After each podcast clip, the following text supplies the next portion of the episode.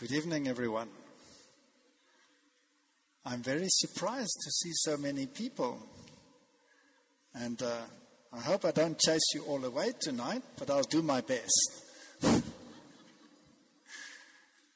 I'm going to talk about uh, creation to restoration tonight. And as some of you might know, I was an atheist most of my life, a militant atheist. Uh, and we'll talk about how these people think and why they think that way. But uh, I'm no longer a militant atheist. I have been transformed into someone who actually believes in creation. But I'm not here to indoctrinate you tonight. I'm here to give you a choice, to give you some things to think about so that you can make an informed choice. So, what are we going to talk about? A few years ago, in 2008, it was thought that the people in the world are not really informed on this issue. And there were people in the world, believe it or not, that actually believed that God created. Now, can you have such a silly idea in the world? You can't tolerate that. And so the, the powers that be decided to create a project which they called the Clergy Letter Project. And they sent out letters to the clergy. That's to all the, you know, the priestly people, telling them that we need to educate the public that everything came about by evolution. And they started off with an, an evolution day, then they expanded it to an evolution weekend, and then they made it even longer. And it was decided that uh, the pastors and the theologians had to sign that they were willing to spend one day a year or one weekend a year teaching the people in the churches about evolution. Now, I taught at a very big university in South Africa, and they had an organization there which was called Campus Crusade for Christ. Campus Crusade for Christ. And they made it their business to train the students as they came in to tell them that evolution is the only way. So when they came in, some of these students, they actually believed in God and they believed in creation. And when they left this program, which was Campus Crusade for Christ, over 80% of them no longer believed in creation. So they did a good job, right? Well, they had, in a very short time, they had thousands of signatures of pastors and theologians saying that they would support it. So in 2009, they changed it to an evolution weekend, and uh, they were going to preach to the people that they shouldn't be so misinformed, but that evolution was the only possible way. Now, you've all heard of Richard Dawkins. He is probably the spokesman for the evolutionary theory, a committed atheist, and he has an attitude which reminds me of me. Uh, he gets very nasty when someone says God did this or that or the following. And I had the very same mindset, so I understand the man and I know where he's coming from, and I'm not here to shoot him down. I'm just telling you what his mindset was. And uh, he belongs to an organization which calls themselves the Brights, the intelligent ones. And in order to be a Bright, you must be an atheist. You must deny the existence of God. Then you're bright. Obviously, if you believe in the existence of God and creation, then you're not so bright, right? And he wrote this famous book, The God Delusion, where he doesn't have anything positive to say about God, and neither does he have anything positive to say about Jesus. And I think he uses every adjective in the book to describe the deities that he has been accustomed to. And uh, I shared his sentiments, and I believed like he believed. And I thought Christianity and religion in general was a joke. Now, let's have a look who belongs to the Brights. And this is rather interesting. This is their own web page. And you can be an atheist, that's logical. You can be a humanist or a secular humanist, that's sort of okay. But you can also be a pantheist or a Buddhist or a yogi or a Wiccan or a transhumanist, and you can still understand some of those issues. But then you can also belong to the Jewish faith, to the Catholic faith, to the Quakers, to the Episcopalians, which means Protestantism, and still be a bright. Now, excuse me, how can you call yourself a Christian, whether Catholic or Quaker or Episcopalian? How can you call yourself an atheist when you belong to those organizations? Well, the idea is very common today that you can have pastors who preach from the pulpit and they don't believe that God exists. And uh, we've had a couple of cases in my own country, in South Africa, where these issues came before the courts. Because how can you be a pastor and not believe in God? But what these people do is they embrace the culture of, let's say, Christianity. They embrace the culture, but they don't embrace the doctrine. So they call themselves Christians. I think that's quite popular in Europe. You embrace, particularly now with the problems in Europe, they want to embrace the culture of Christianity, but they don't want to embrace the doctrine that goes along with it. So these are the kinds of people, and they're very militant. So when they started out in 2008 with their uh, propaganda to tell people that there is no God, they put it onto the London buses with the slogan that there is no God. There's probably no God. They wanted to actually say there is no God, but uh, they were forced by the Constitution to say there is probably no God, which is, of course, a bit of a misnomer. And they wanted to collect money for this project, and they were hoping to raise 5,500 pounds, but were surprised on the very first day to have gathered 36,000 pounds for this campaign. So people are prepared to pay to change people's minds to the concept that there is no God. Now, Genesis chapter 1, verse 31 says, And God saw everything that he had made, and behold, it was very good. And the evening and the morning were the sixth day. Genesis 1:31. Now, the popular thinking is that this must be an allegory. This must be some kind of mythology. And there must be some mistakes in it because it says it was very good. And nobody can deny that if you look at the world today, it's anything but very good. Would you agree? It's quite tumultuous and chaotic and anything but very good. And let's not even talk about six days.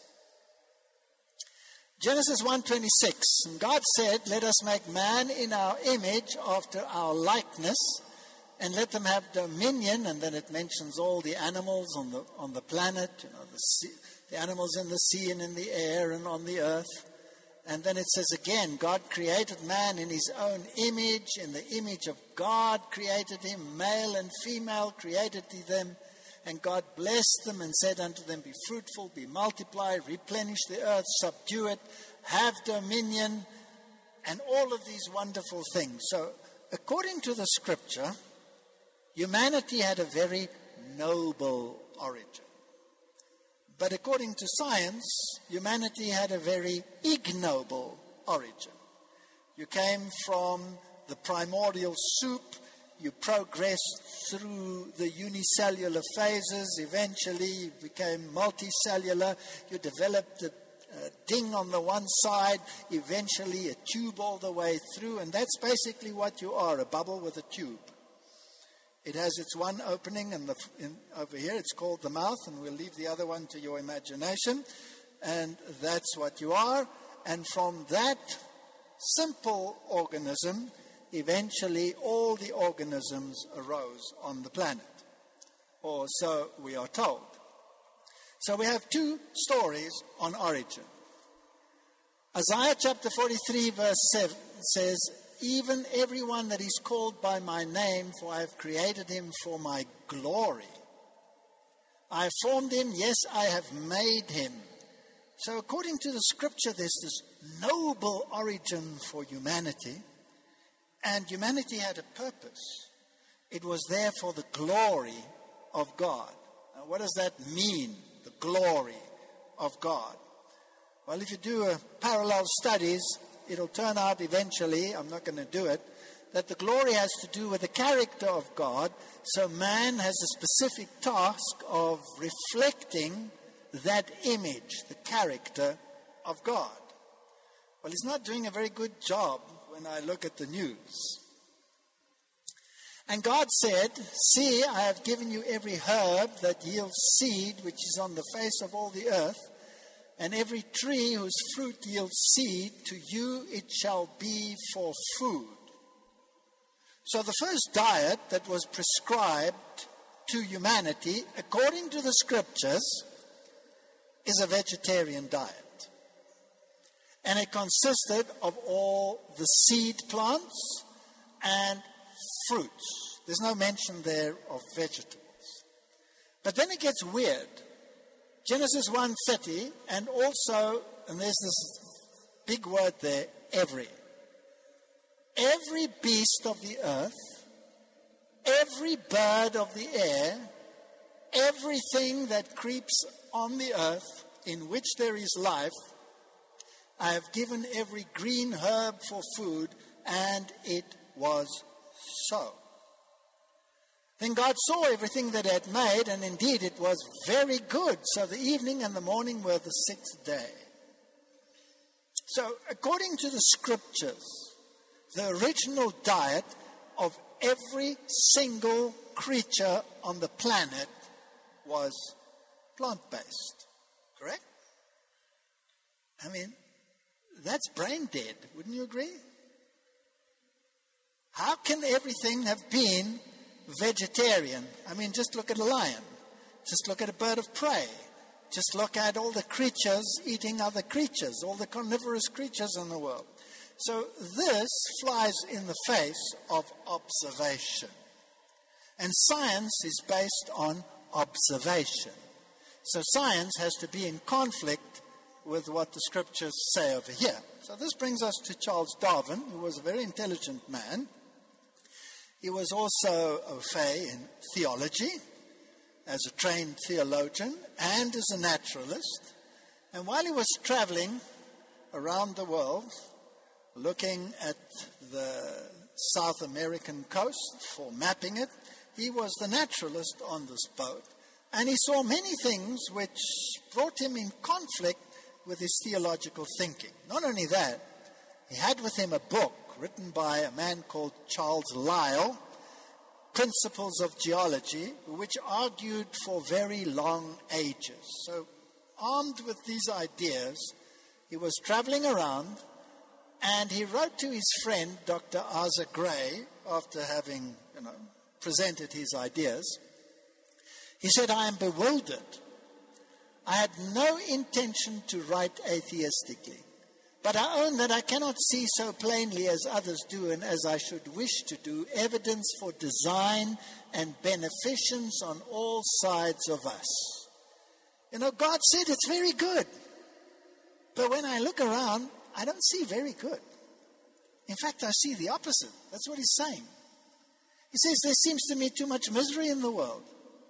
I cannot persuade myself that a beneficent and omnipotent God would have designedly created the Ichneumonidae, which is a category of parasites, with the express intention of their feeding within the living bodies of caterpillars, or that a cat should play with mice.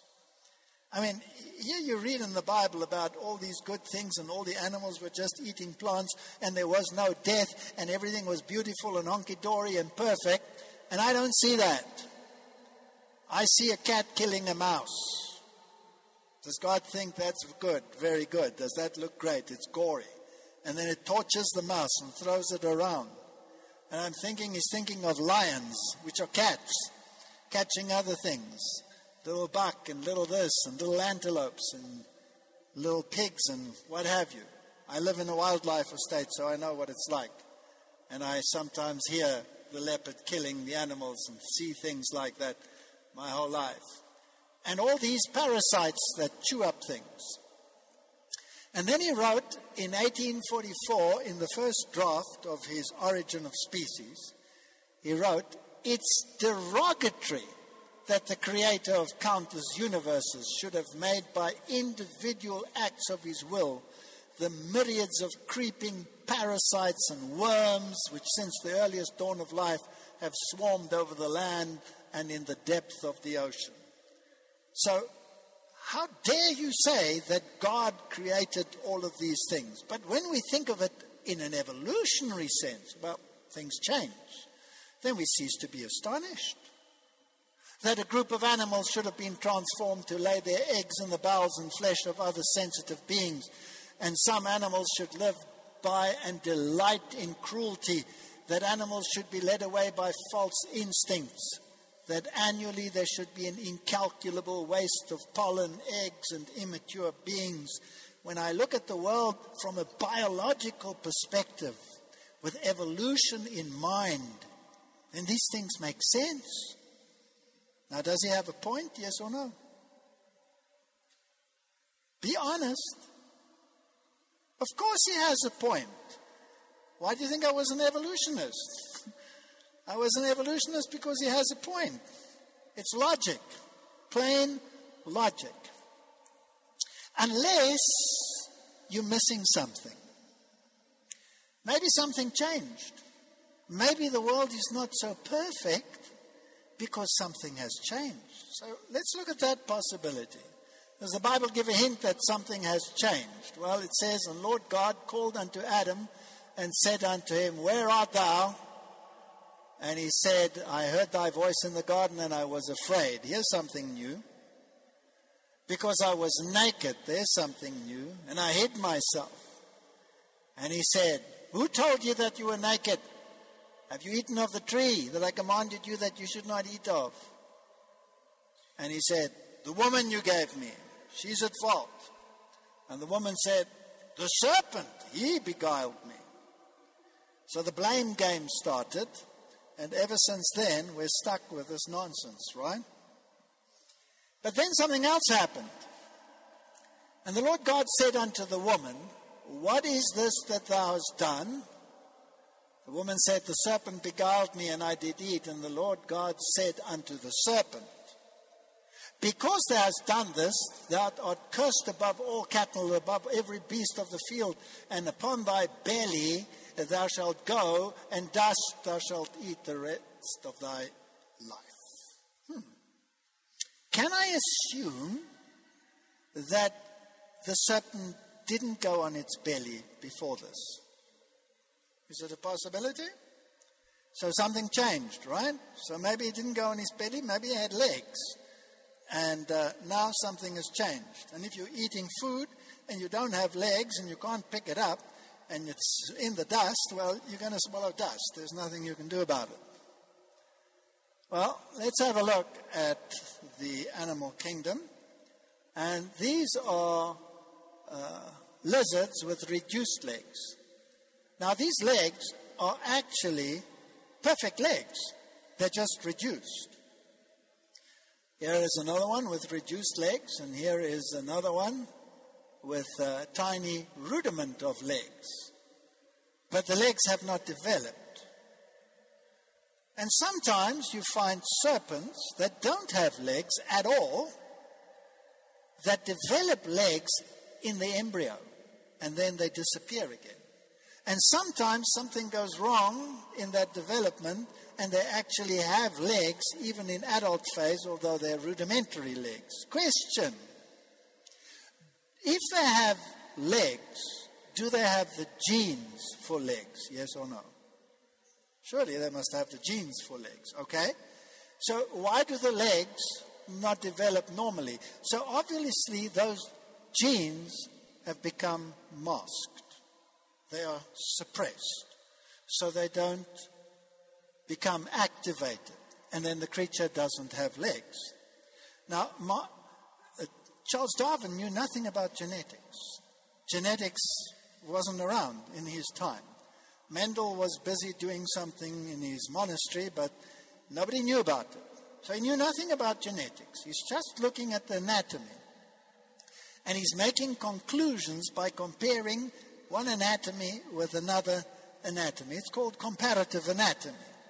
But he had no idea of genetics. So this creature quite possibly could have had fully developed legs at some stage. And evolutionists acknowledge that. They say, well, the legs got lost. But is this a gain of genetic material or is it a loss of genetic material? Or not even a loss, is it just a depression of genetic material? That is the question. Now, if it's not a gain, then it's not an evolutionary advance. Then it's actually an evolutionary regression. Are you with me? So it's not evolution in progress, it is the reverse. So let's take it a little bit further. What about uh, the serpent's poison? Well, it has fangs and it produces a poison, as do many creatures produce poison. Is this a new development that came about through evolution so that the creature would now be able to have the capacity to kill and harm other creatures and be able to consume them? Is this what happened? The answer is no. Again, there's no new genetic material here because the poison glands are transformed salivary glands. What happens if I would take the poison gland of a very poisonous snake and eat it? What would happen to me? Nothing. Quite right. Why? Because I would digest it. You see, the poison is a protein. And if I put that protein into my stomach, pepsin will break it apart, then trypsin will take it apart, and the exopeptidases will work through it, way through it, and eventually there would be no poison to attack me because I would digest it. But what if I take that protein and instead of putting it in my stomach, inject it into my vascular system? What will I experience then? A major reaction immune reaction. I would attack that protein, and depending on the type of protein, my reaction will vary according to whatever has been injected. So if I take a simple thing like a salivary enzyme and I eat it, nothing will happen to me. But if I take a simple thing like a salivary enzyme and I inject it into my body, there will be a major reaction. So, this is not a new development, this is a new use for an existing object. The same with a spider. Exactly the same. You have spiders that actually live on pollen that they catch in their nets, and the, uh, the poison gland is the same as you have in a serpent. It is a transformed structure. Genesis 3:17 and Adam and he said unto Adam because thou had hearkened unto the voice of their wife, thy wife and hast eaten of the tree of which I commanded thee saying thou shalt not eat of it cursed is the ground for thy sake in sorrow shalt thou eat of it all the days of thy life now, this is rather an interesting statement. I don't know how much we should make about not listening to the voice of our wife. I don't know whether we should take that. I've tried that, it doesn't work very well. Have you noticed that? Okay. But notice that God doesn't say, Cursed are you. He says, Cursed is the ground. And why? For thy sake. I'm cursing the ground for your sake so that you must eat of it with sorrow. And it's going to create problems for you. Number one, there will be thorns and thistles. Hmm. And you will eat your bread by the sweat of your brow. So the earth is cursed so that man becomes dependent upon God. Maybe he's now dependent on many issues. And uh, Today we need rain in the right season, we need the right temperature environments, we need this, we need that, we need the other. And if the conditions aren't right, well, it's amazing how many atheistic farmers start praying after a severe drought. Have you noticed that? So the earth is cursed, and it doesn't bring forth as it did before, for the sake of man. Now, what is a thorn? Well, you get various kinds of thorns. Here you have a desert plant, a succulent plant, and here in these desert plants, the stem has actually been transformed into the leaf. And the chlorophyll now occurs in the stem. And the leaf has become a thorn, a spine. Now, if all those spines were to develop into leaves, that would create a great surface area where evaporation could take place, and this plant would be in a very negative circumstance in a desert, for example. So, the thorns are actually transformed leaves.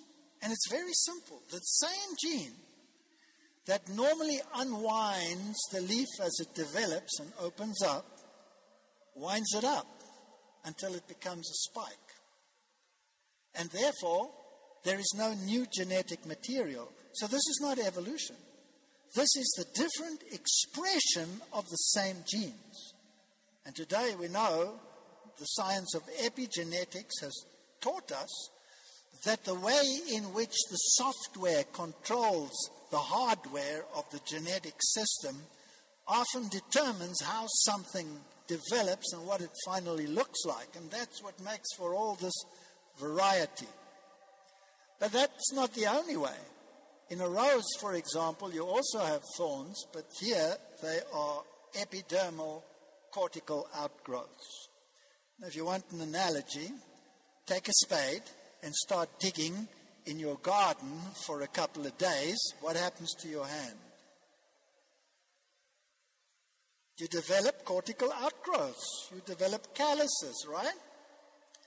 That's evolution, right? Within a week, right? No, it has nothing to do with evolution. It has to do with the stimulation of a particular spot which activates the gene system by, via the epigenetic system to produce more skin layers to protect you against what is happening. You're just asking the same genes to work harder. That's all you're doing. There's no new information, so it's not evolution. It's got nothing to do with evolution. And what is a thistle? Here's a thistle. Well, a thistle is just the petal that instead of unfolding genetically, dries up or folds in genetically, forming a spike. You can take trees that normally don't have thorns, plant them in a very hostile environment, like a high wind area, and the little branches with leaves will start getting stripped and they will make thorns. So the environment determines what the final anatomy will be. And it has nothing to do with evolution because there's no added new genetic material whatsoever. If I'm going to develop from an amoeba to an elephant, I need to add a lot of genetic material. The question is, where does that genetic material come from? And how does it develop? That's another lecture in itself. But let's just look at this thing. Darwin said, when he looks at the parasites, evolution makes sense to him. Because why would God create these creatures to go and feed on delicate bodies of other creatures? So obviously they evolve through an evolutionary process. Well, let's have a look at parasites. Parasites are generally reduced organisms. If you take the tapeworm, for example, here's a tapeworm, it doesn't have any eyes. It doesn't have an intestine. It doesn't need it. It's using yours. Why should it have an intestine? It's pretty dark in your intestine, so why would it need eyes? It doesn't have eyes. Uh, is there any gain of material here, or is there a loss? Have they gained eyes or have they lost eyes? They've lost eyes. They don't have an intestine. Is it a gain or is it a loss? Is it therefore evolution or is it devolution? Is it forward or is it backwards? All right. So, can I use this as an argument for the evolutionary process? Can I say that this is evolution in progress? Well, let's have a look at bacteria, E. coli, or any other bacteria. We say that they evolve. Every year, there's a new strain of flu. Every year, there's a new bacterial infection. That's evolution in progress, so they say. Is it? Let's have a look how bacteria, for example, change. They have certain pieces of DNA which can jump across the barrier to the other party, and they're called plasmids. So, plasmids are small DNA fragments, and they're known in almost all bacterial cells. And they carry between 2 and 30 genes, and some seem to have the ability to move in and out of the bacterial chromosome. So they get spliced out very precisely, and then they are transformed, transferred in a process from the donor. They go outside and they go into a recipient, and then they're spliced into the DNA of the recipient, and the recipient then becomes a recombinant. Is that evolution or is that swapping of genes? that already exist. And this organism now, the new one, the recombinant, has a totally different strategy available to it for dealing with certain issues. So things like acquired immunity, resistance to pesticides, resistance to herbicides, resistance to antibiotics is never based on new genetic material. It's only based on reorganized genetic material. Is that evolution? Is it something new that has developed? No, not necessarily. Now, here's an interesting one. There are certain parasites which invade crabs. And uh, cyprids, for example, they invade crabs. And these eggs that you see belong to the parasite. So this creature enters into the crab, and then it develops a whole lot of strands that grow into the crab, and they confiscate all the metabolisms of the crab and develop the reproductive system which you see over there. So, this ugly parasite consists of all these strands and these eggs. That's it. Nothing else. It's the ugliest thing under the sun. But when it is in the larval stage, when it is the larva, when these eggs hatch, it is a free swimming organism. It has muscles, it has eyes, it has locomotory organs, it has an intestine, it has the whole gambit to make it an independent, free swimming, living organism. Question Does it have the genes for eyes? Must have, because the larva has them. Does it have the genes for muscles and locomotory t- organs? Yes or no? Obviously, because the larva has it. Has it got the genes for a mouth and everything that goes along with feeding and metabolism? Absolutely. And then when it enters a host, it loses all of those and becomes this ugly, stranded organism that does nothing but produce eggs. Are those genes gone now? No. So what's happened to those genes? They've been switched off. They've been deactivated. And only genetic systems that develop the strands and the reproductive system are activated.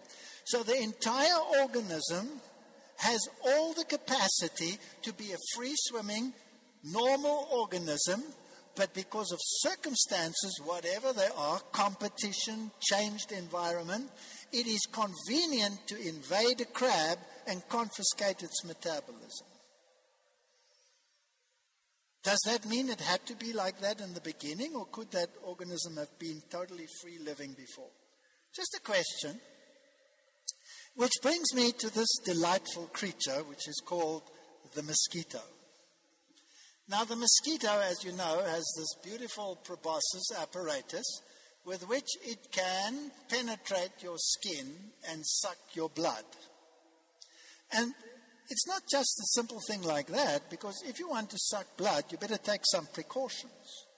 Because blood has the capacity to coagulate. Now, you wouldn't like your straw to be filled with coagulated blood, because then sucking will become a very uh, difficult procedure. It'll be blocked, right? So there are enzymes which are produced which prevent clotting. Now, surely this is a major evolutionary advance where this creature has not only developed the apparatus for drilling through your skin, but also has the necessary enzyme systems to deal with the coagulation properties of your blood. That's a major evolutionary advance, except for one little thing that only the female is a bloodsucker. The male is a sweet, docile vegetarian. Now, I'm not sure whether there's a message in that, but uh, I don't want to get into any kind of uh, situation while I'm here, so let's just stick to the facts. So, the male sucks plant juice. Now, plant juice also has the capacity to coagulate because it has all kinds of proteins and tissues in it and stuff like pectins, etc., in it. That's why you can cook jam and it gets thick. That's why if you put uh, fig juice on you, it gets sticky, right? And the same enzymes that prevent the clotting will also prevent the coagulation of the plant substances. Question Why does the female suck blood? Well, you see, she has a, a, an added burden. She has to produce eggs, and eggs require energy, lots of it. Now, what if the earth was cursed and the plant didn't bring forth the particular plant that the animal was consuming, didn't bring forth in the same capacity as it did before? Would it then be necessary for the female who needed more energy to augment her diet, yes or no? Now, what could be more convenient than blood? Everything you need, all the nutrients that you require. What a wonderful source of nutrient. So she utilizes it.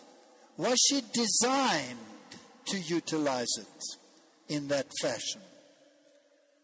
Not necessarily, because the male doesn't need it, so there's no reason why she should have needed it.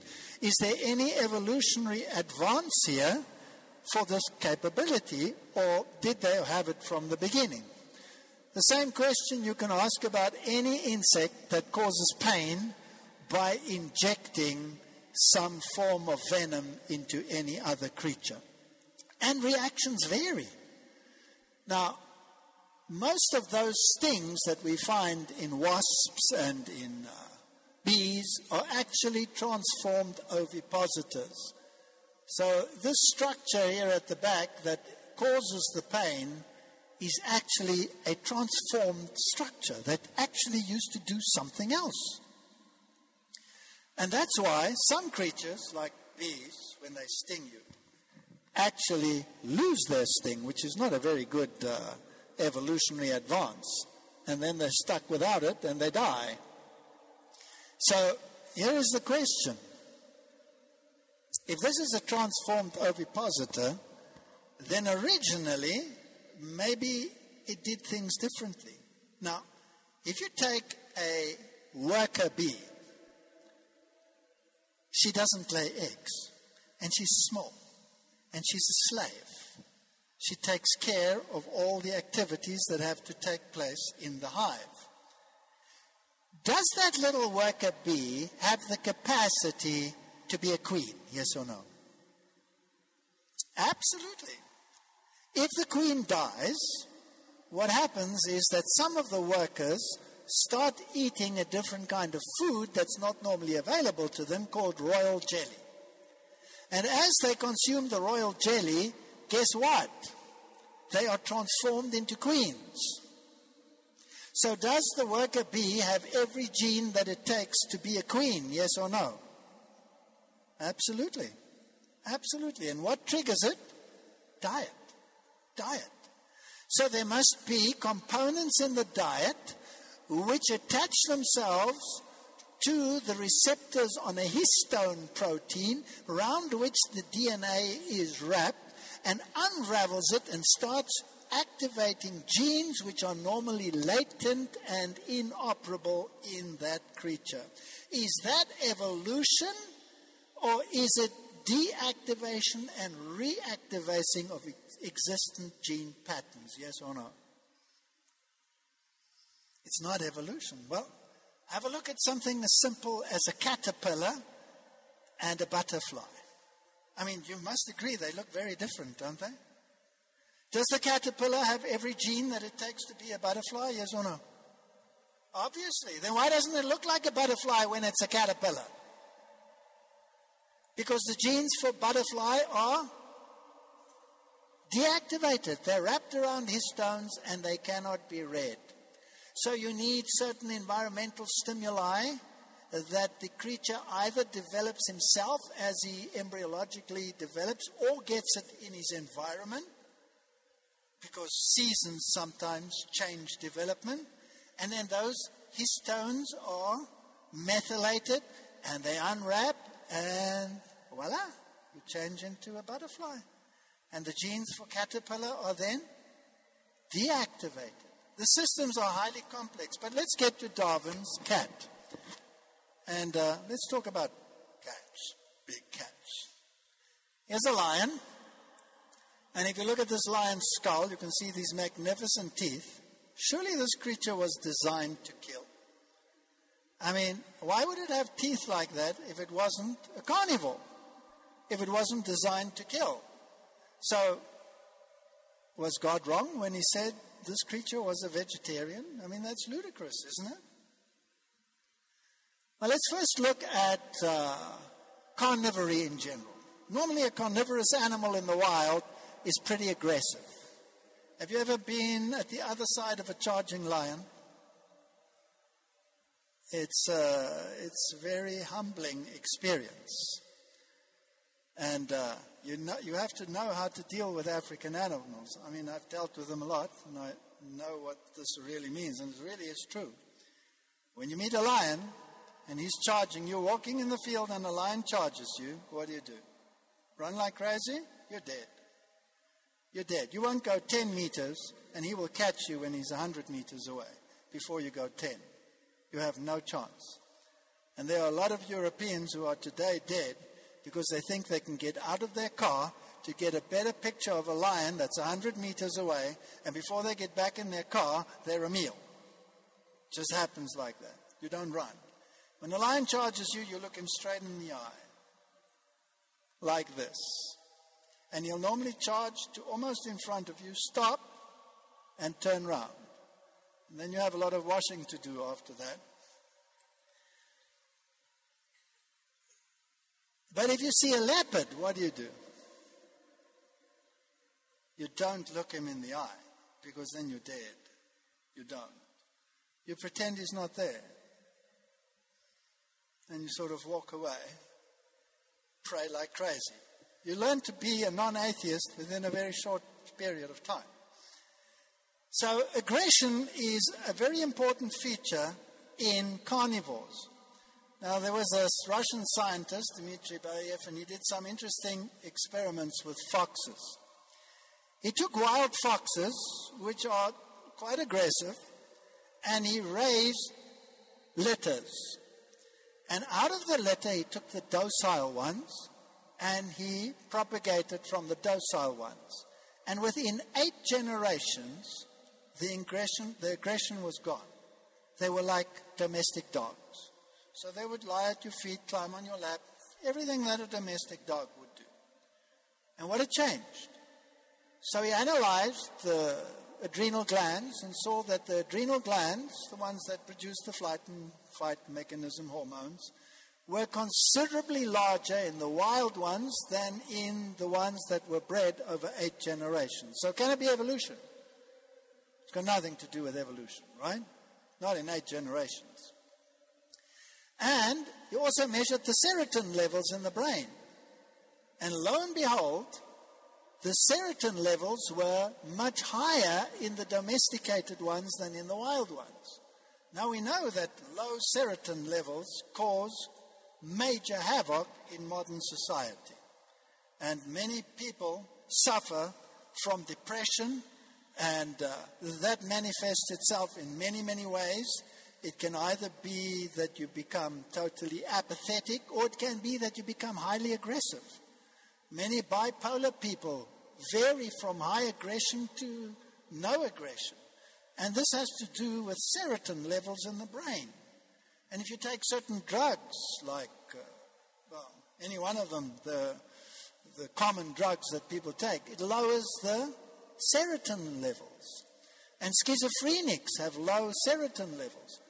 And it's interesting that the serotonin levels were massively different in the two groups of organisms. So all that it took was a hormonal change to change the aggression.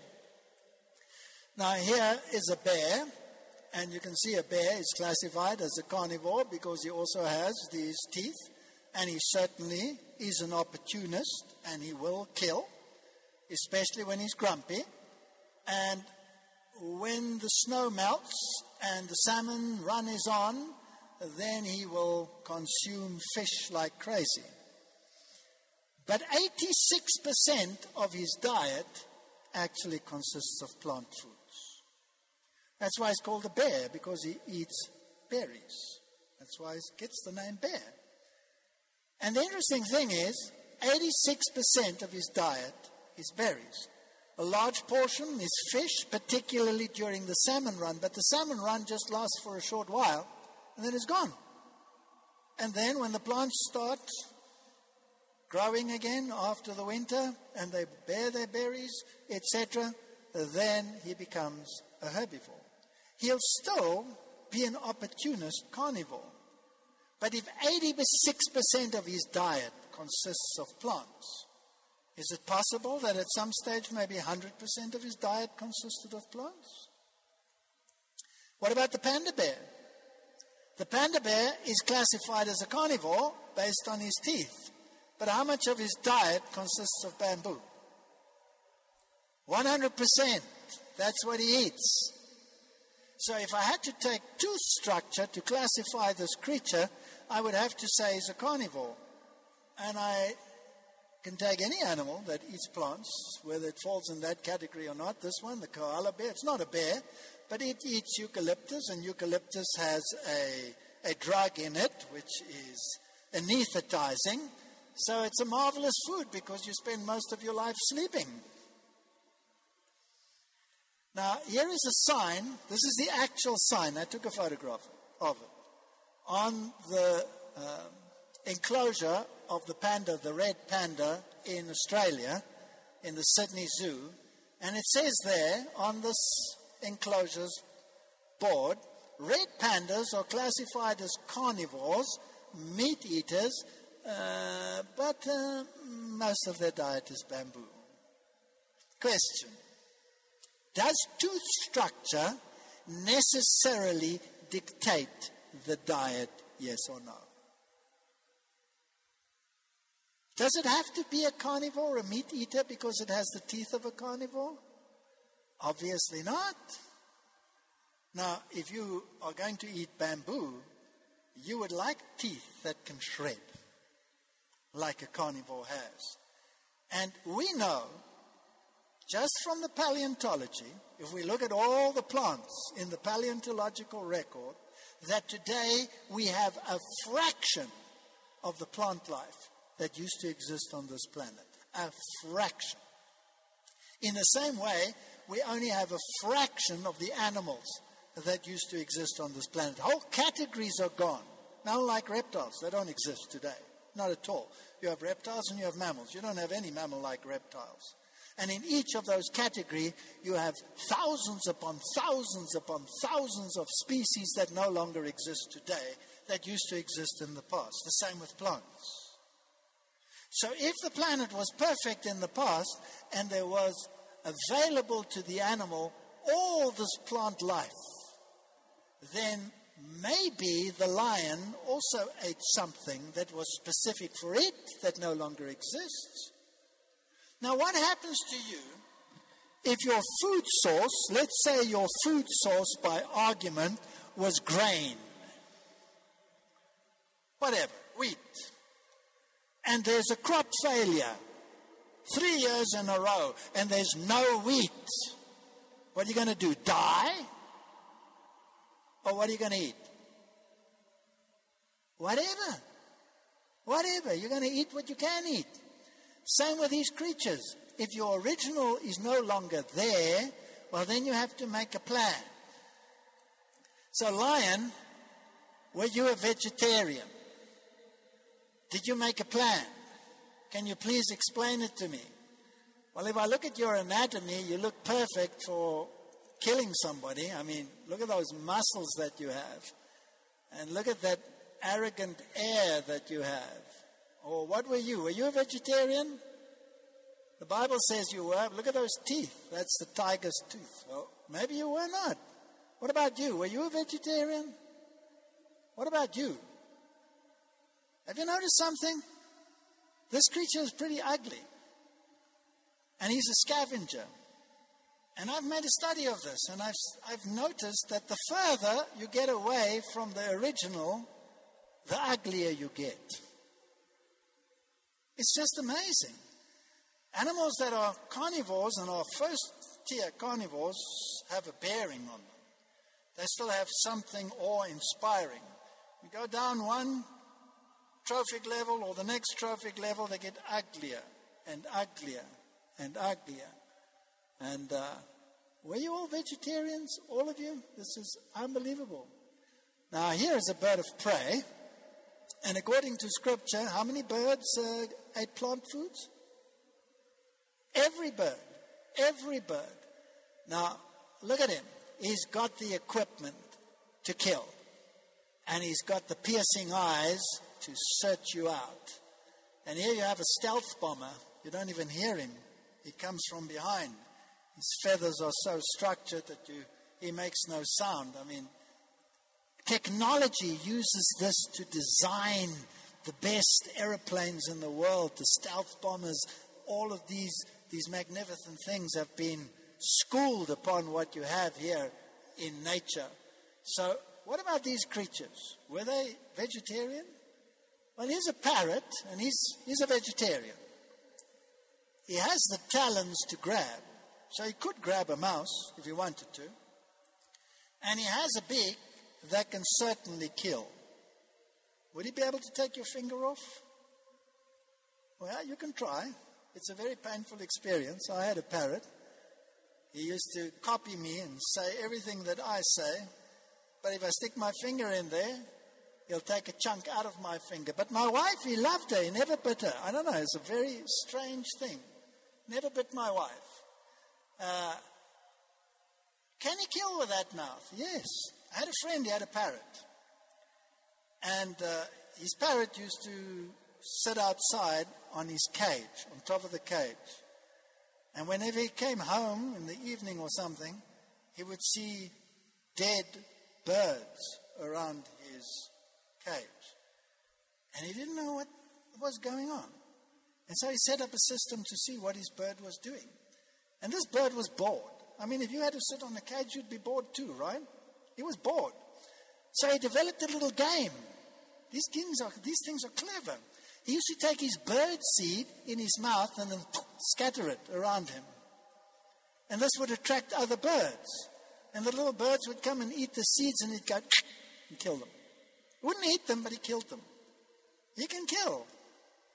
Now, here's a New Zealand kea parrot. And this little parrot eats the root of a particular tree. It has a succulent root, almost the consistency of a carrot. And the kea parrot used to eat this succulent root. And then they developed in New Zealand uh, a housing development. And they ripped out all of these trees to replace it with domestic dwellings. And guess what?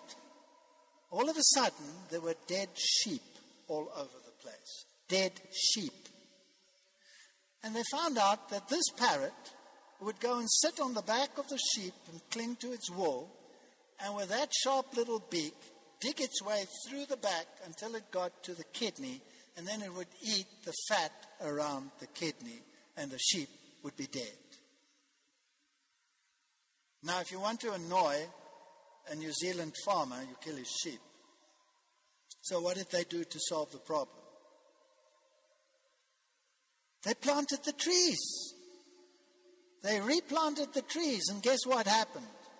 The parrot went back to his original diet, digging up the root and eating the root. That's what he ate. So, now, my question let's say that tree was struck by some disease and disappeared off the island. And Charles Darwin arrives and he sees the New Zealand kea parrot killing animals. What would he say? He would say, well, this creature is evolutionary developed in order to kill. Look at that sharp beak with which it can rip open even the hard skin of a sheep and dig its way through to eat the fat around the kidney. Why the fat around the kidney? Why not the rest of the sheep? Did the animal know that there was food around the kidney? No, but it must have sat there or frustrated or something, and this is how it developed. And then it found that food source and they all developed it. But when the original diet came back, it went back to its original diet. Is this evolution? Or is this a change of circumstances which necessitated a change of diet? It's got nothing to do with evolution. If I look at the piranha, it eats meat. If I look at its closest relative, the pacu, with which it can breed, it's that close. This one eats only seeds, and this one eats meat. And under certain circumstances, this one will also eat seeds. But the circumstances are thus that if they both want to survive, one has to give up his diet and eat something else. What about chipmunks? What do they eat? They eat seeds. Haven't you watched Chip and Dale and Walt Disney? They're always collecting nuts, right?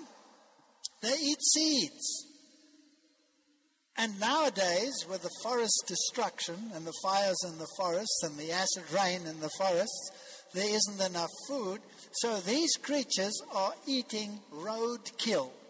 In other words, animals that have been run over or animals that have died. That's what they're eating. They've become scavenger, carnivorous scavengers. If you saw that today, you would think that that's normal, but it's not normal. It's only normal under a cursed environment. Then it becomes normal. So when I look at animals like rodents that are all coprophages or horses that are all coprophages, Coprophagy is a nice word for eating your own excreta. That's not good, very good. That's disgusting, very disgusting. So, why do these eat, creatures eat their own excreta? Why? Because they can only ferment the plant foods that they get in their cecum, which is at the end of the intestine. So, to get the nutrients, they pass it through again to get it second time round. So a rabbit will produce two kinds of fecal material, one soft and one pellet. The pellet one is discarded, the other one is eaten directly off the anus. And the same with every rodent. Now, what if the plants that they are consuming don't actually provide what they originally used to provide? Then the animal is necessitated to pass it through twice. Now, horses will coprophage. In other words, they will eat their droppings off the ground. But if you feed them high quality food, like grains, mixed in with their diet, they don't coprophage. What does that tell you? Is that evolution? Or is that adaptability? So let's get back to the lion. Lion, are you sure you were a vegetarian? Now, I didn't do experiments with lions, but I know that many, many lions have been raised on vegetarian diets. There were a couple of people that owned lions, and just recently, one man was in the news. He was over 90 years old, and he had pet lions. He lived in Zimbabwe. And the one lion used to sleep with him on his bed, on the double bed. But the lion had a problem. He stank. And he had bad breath. And not only bad breath, but the other side produced horrendous odors as well. And so he was getting tired of this, and so he put his lion on a vegetarian diet, mainly of maize and legumes and things like that. And guess what? The lion's skin diseases went away. He no longer had bad breath, and the odor that was produced at the other side was not as noxious. And uh, you can do that experiment yourself. If you eat a lot of meat, then you have a lot of sulfur containing amino acids in, your, in the protein that you are consuming. Then the bacteria in your colon will be sulfur metabolizing bacteria, and they will produce hydrogen sulfide, which is what you call a stink bomb, right? And uh, that will be the consequence. Whereas, if you have plant proteins in your diet and lots of carbohydrates and those issues uh, associated with plants, then you will produce hydrogen metabolizing bacteria and you will produce methane. Now, methane can burn, so it's explosive, so I wouldn't strike a match in the process but it's odorless. So that's just one of the things. But the interesting thing is, this lion not only lost its skin diseases, it also lived twice as long as any of his other lions. So that was interesting. Now, I had a student who was doing a PhD under my supervision, and she was working on chickens. She was working on uh, antibiotic resistance and because the industry feeds animal protein to chickens, some industries, others feed only plants, we wanted to see which one would develop the greater antibiotic resistance. So there were chickens that were on a plant regime. There were chickens on a plant regime with antibiotics. There were chickens on an animal protein regime and an animal protein plus antibiotic regime. So we had a comparison between plant protein and animal protein in chicken. Now, the reason why I was interested in that is because I gave a lecture once in the United States, and one of the scientists was very angry. Uh, they get very angry about these lectures. And they said, the teeth don't determine whether the animal is a carnivore alone. A lion has a much shorter gut than another creature, than a herbivore. And in fact, carnivores have short guts, and that's true. The gut of a carnivore is on average six times the length of the trunk, whereas the gut of a herbivore can be up to 22 times the length of the trunk. So, surely that took many millions of years of evolution to reduce the gut down to just six times the length? Or did it? And I said, no, that's epigenetics. It can happen very quickly. And he said, nonsense. And so when I got home from my tour I had this student working on this, and I said to her, she was a, a lady student, I said to her, when you finish your experiment, I want you to compare the gut length of those chickens that got plant food only with those that got animal food. So I want you to unravel it and put it down and measure the length and a whole lot of other parameters. She said, No, that's disgusting. She's not going to do it. I said, That's fine. You don't get your PhD. So she did it. So these are the diets. We don't have to go into the details. The one had a plant protein diet, the other one had an animal protein diet, but the proteins were absolutely the same, the, the levels in the end. And let's have a look at these groups. A is plant protein alone. B is plant protein, the same diet, plus an antibiotic cocktail to measure the antibiotic resistance later. C was the animal protein, and D was the animal protein, same diet with the antibiotic cocktail.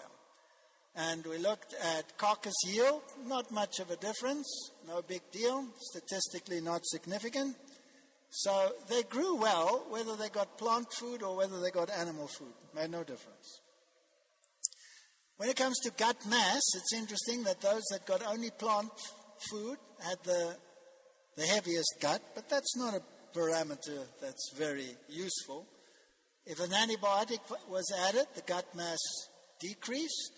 If animal protein was given, it was still less. And so there was a trend, but it wasn't significant. Then gut length. Interesting. This is six weeks, six weeks of growth from the hatching to six weeks. If it got plant food, the longest gut. You add an antibiotic, the gut gets shorter. You add animal protein, the gut gets shorter. You add an antibiotic to that, gut gets shorter. So, can what you eat affect the length of your gut? Yes or no? Absolutely. Absolutely. But here's another interesting one heart mass. When they got plant food or animal food, the heart was compact. When we added antibiotics, the heart became enlarged and weaker. That's fascinating. Do you know how many young people suffer from cardiovascular disease these days, which was unheard of in the old days? Didn't happen to that extent. Is it possible that something that you add to your nutritional regime can affect the development of your anatomy? Yes or no? Is that evolution in six weeks? It's got nothing to do with evolution. So, what you eat affects what you are. Liver mass. We added antibiotics, the livers were enlarged, whether you got animal protein or whether you got plant protein. Here is an article in the American Journal of Clinical Nutrition. A high ratio of dietary animal to vegetable protein increases the rate of bone loss and the risk of fracture in postmenopausal women. And they had nearly four times the risk of fracture if they took animal protein as opposed to plant protein. So, my question is excuse me, are we designed for animal protein or are we designed for plant protein? Now, when I started off my research, I started the research comparing plant protein and animal protein. And we applied for funding from the government, from the funding organizations, you know, the scientific organizations. And they said to me, You're not going to get any funding. And I said, Why not? And they said, Because a protein is a protein is a protein. This is a silly thing that you want to do. And I said, No, a protein is not a protein, is not a protein, is not a protein. Because a plant protein looks totally different in its amino acid composition to an animal protein. The same amino acids are there, but the ratios are different. There are more branch chained amino acids in a plant protein than in an animal protein. There are fewer sulfur containing amino acids in a plant protein than in an animal protein. It does make a difference. They said, We don't care, you're not getting any money. So I said, Okay, I'll use my own money. I used my own money. And when we got the first results, suddenly we were funded. And suddenly the world got interested. And suddenly I had exchange students with Harvard University and Oxford University, and the thing was going like wildfire. And everybody was saying, Whoa, what's going on here? And we did one experiment with sheep. Now, this was interesting because I heard a lecture by someone, and he was explaining that sheep that are fed in a stall, in other words, they don't run around free that they tend to develop skew legs. And I asked the question, what diet are you feeding them? And I said, well, what the industry feeds them. We feed them uh, alfalfa, lucerne, and we augment the diet with animal protein. So some use carcass meal, which is not so favorable anymore, but fish meal is very common still today fish meal they were using. I said, That's your problem. You're feeding them animal protein, and that's causing calcium loss. No, they said. So let's test it. So we took merino sheep that were just weaned. So they were little rams, just weaned. And we fed them different dietary regimes. So they got, the one group got a 12% protein diet, which is all plant based. So it was alfalfa. So it was lucerne. That's what they got. That contains 12% protein. Then we took exact same diet and added 3% animal protein in the form of fish meal. That brought it up to 15% protein diet. We took another group and we added 5%. We took another group and we added 8%. That brought it to 20% protein. And then we took another group, we took the same basic plant one, and we added 8% plant protein in the form of wheat gluten. So 20% protein, all of it plant, 20% protein, of which 8% is animal protein. And then we let them grow and we compared. And what was the result? Here is the days, and you can see it's rather quick 20 days, not even a month. You could start seeing a difference. When we added animal protein, the legs tended to go skew. And this is what they looked like. Here's one with beautiful straight legs. Here is one that's a 5% protein and 5% animal protein. You can see the deformity in the foot there. See a slight curvature on the leg. And there's an 8% one. He's a total disaster. In fact, he couldn't even get up. You see, my colleague is picking him up. Look at those legs. They look horrendous. Now, you'll think that that is a cruel experiment, but I was just going into what they were doing anyway. And they go up to 36% protein. This was just 20% protein, of which only 8% was animal protein. So if you look at those legs, they look pretty deformed. But if you took an x ray, they actually looked okay. But then we did some analysis calcium to phosphorus ratio. When we added, whether you took the cannon bone, whether you took a rib, whether you took a vertebra, didn't matter. Same procedure. When you added animal protein, the ratio of calcium to phosphorus changed. Less calcium relative to phosphorus. So the structure changed. These are the 20% ones.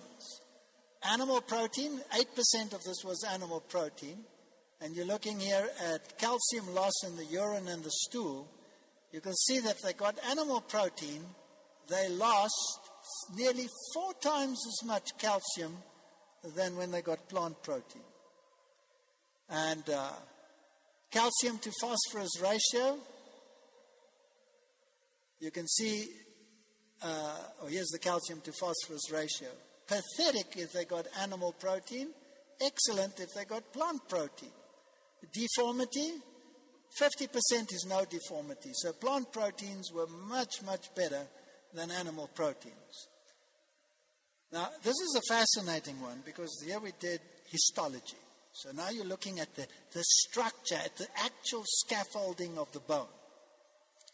And uh, osteoid volume, this is 12% plant protein, plus 3%, plus 5%, plus 8% animal protein, plus 8% plant protein. Look at the plant proteins. They're excellent. But the bone volume went ding, ding, ding down. This one here is particularly interesting because here we took, we marked the bone by injecting the animal with a product, wait 10 days, inject him again. The bone absorbs this product. It's just an antibiotic, tetracycline. And you get two lines under fluorescent light. And you can see the bone development in exactly 10 days. So you cut out everything except 10 days. And this is what you get. Perfect bone structure when it has plant protein. Add 3% animal protein, worse. Add 5%, worse. Add 8%, horrendous add 8% animal plant protein at least. Perfect. What was this animal designed for? Animal protein or plant protein? Plant protein. You'll tell me it's a sheep, you silly fellow. Of course, it's plant protein. You repeat this experiment with a dog, with a cat, with a pig. Guess what? Same result. Same result. They weren't designed for animal protein. Now, here is a monkey, and we'll ask him to open his mouth. And you can see that he has a pair of incisors that would make a lion proud. Would you agree? And yet he's a vegetarian. So, again, I want to remind you that tooth structure has absolutely nothing to do with the original diet. Just for interest's sake, I threw in this slide of homology where you compare a human and a cat and a bat and a porpoise and a horse, and they will tell you in the comparative anatomy class that these animals are all related because they have similar structures. But the problem is this. This is uh, Fix, he made this study. I'm not going to read it all, I'm just going to explain it. He says basically that if, if these things are related, then they must be coded for by the same genes, more or less changed over time, over millions of years, to slightly differ but still have enough commonality to look similar. But unfortunately, the genes that develop the legs of a horse and the genes that develop the legs of a human being are on totally different chromosomes, totally different gene, genes, not even the same genes. So they cannot be related at all. There is no evolution genetically visible. So look at the animal world and the plant world. And you ask yourself the question Is it possible that things were different in the past? Is it possible that at some stage it was good? Very good. Well, look at things like beauty. Do you have to be beautiful and symmetrical in order to propagate, in order to bring forth children? Do you have to be beautiful? If a dog is on heat, does the pedigreed, beautiful creature care two hoots whether the pavement special is beautiful or not? Yes or no? No. Doesn't care two hoots. As long as he has she has a pheromone, that's it. That's all he needs. Beauty is not essential to propagation. Then why do you have symmetry? Why do you have color? Do you need color in order to propagate? Do horses see color? No. Horses are black and white. They see black and white. They don't see color. But here you have all of this beauty in the world. And you have these birds that look so magnificent. And here you have the sacred ibis, which is a beautiful bird. And that is his relative. Here is the bald headed ibis. And here is the simple hadeda. And these creatures are so closely related that they can pair with each other. And in fact, this halfway beautiful, ugly little thing is a cross between a sacred ibis and that ugly one that I showed you just now. So, what was it like originally? What was it like? Why, why do we see beauty? If we don't need it in order to propagate, do you have to necessarily smell good? Do you have to be able to use all of these senses in order to propagate?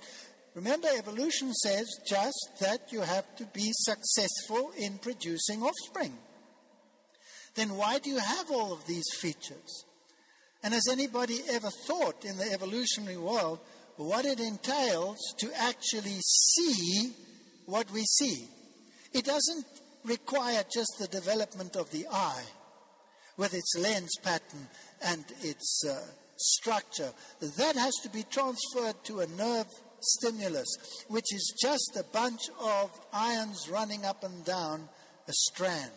And then it has to be interpreted by the brain, and it has to make a picture which is stored forever. The complexity of it is mind boggling. How did it come into existence? What about irreducible complexity? What about all of these issues? For behold, I create a new heaven and a new earth, and the former shall not be remembered nor come to mind. Old Testament. Nevertheless, we, according to his promise, look for a new heaven and a new earth wherein dwelleth righteousness. New Testament. So both the Old and the New Testament says that this world is temporary. And then Romans tells us, For the earnest expectation of the creature waiteth for the manifestation of the sons of God. For the creature was made subject to vanity, not willingly, but by reason of him who has subjected the same to hope, because the creature itself also shall be delivered from the bondage of corruption unto the glorious liberty of the children of God. For we know that the whole creation groaneth and travaileth in pain together until now. Scripture does not deny that this world is not perfect. And there is no reason to use the imperfection to say that the Bible is incorrect. Let's look at a prediction in Isaiah 11:69. Future world. The wolf shall dwell with the lamb, and the leopard shall lie down with the kid, and the calf and the young lion and the fatling together, and a little child shall lead them. Will there be aggression according to the text? No. In other words, the hormonal balance will be restored. That's all it is. It's a hormonal balance. Okay? And the cow and the bear shall feed, their young ones shall lie down together, and the lion will be a vegetarian. That's what it says. You'll eat straw like the ox. Ludicrous statement. You had an original diet, you have a future diet.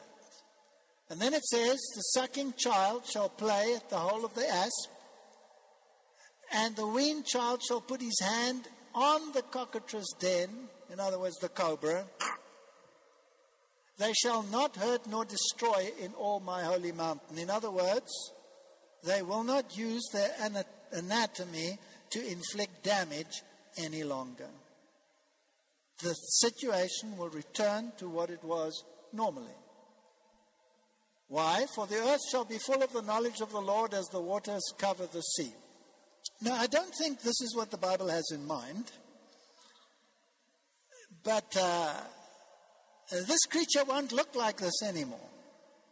I don't know what it will look like, but I can imagine that it can look very, very different. Do you know that in these creatures there are rudiments of structures which are unbelievable? I don't want to go into them because you'll say I'm mad. But there are rudiments which seem to indicate that this creature looked totally different in the past. And what about interacting with animals? Let's listen to this little tape. I mean, many of you have seen it, but it's quite cute, so let's look at it. Here's a man, and he's opening the cage to a lion. Hello. Yeah, sorry. He doesn't have so much time.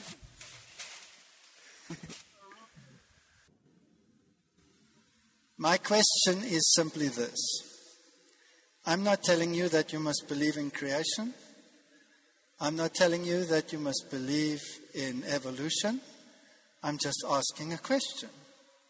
Is it possible that the animal kingdom was different in the past to what you see now? And is it possible that it could be one day restored to what it originally was? And if the answer to that after this lecture is yes, then perhaps you should open your minds to some other ideas that we read in the scriptures which might surprise us. And that's all I want to do. I want to invite you to free your mind to think of some other possibilities. And may the God that you believe in or not bless you anyway. Thank you.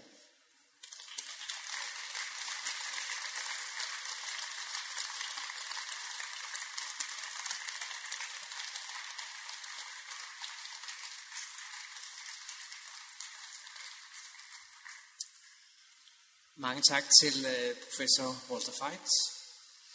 Som sagt, så er det ikke øh, det eneste arrangement, vi har. Vi fortsætter det næste aftener.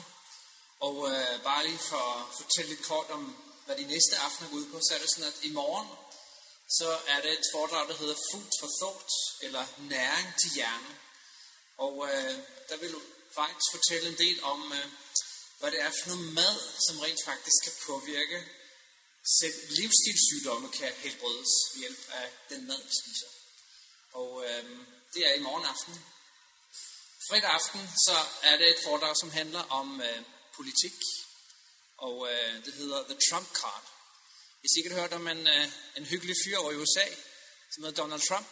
Og øh, rent faktisk så er det sådan, at øh, måske er der noget i Bibelen, der kunne tyde på, at øh, den nation er nævnt. Så øh, det er i hvert fald et rigtig spændende foredrag, som øh, I burde komme tilbage til. Lørdag formiddag, så øh, fortæller Walter Feit om øh, sin egen rejse. Som han øh, lige kort nævnte i starten, så han jo var en øh, glødende evolutionist, som havde som sin mission at tvære alle ud, som troede på en Gud. Men hvorfor er han havnet der, han er nu? Det fortæller han om på, på lørdag, lørdag formiddag. Og øh, lørdag aften, så er det i forbindelse med, at jeg sikkert hørt om, at det i år er 500 år siden, at øh, reformationen startede. At Martin Luther sømmede 95 teser op på kirkedøren i Wittenberg, i Tyskland. Og det er lige her om et par uger faktisk, som det er 500 år siden. Og, øh, men der er også nogle ting, der tyder på, at den protest, han startede, er ved at blegne lidt. Så spørgsmålet er, tog han fejl, Luther? Eller er der stadigvæk grund til at protestere? Det er lørdag aften. Og søndag formiddag, så øh, er det et foredrag, der handler om øh, tid til hvile.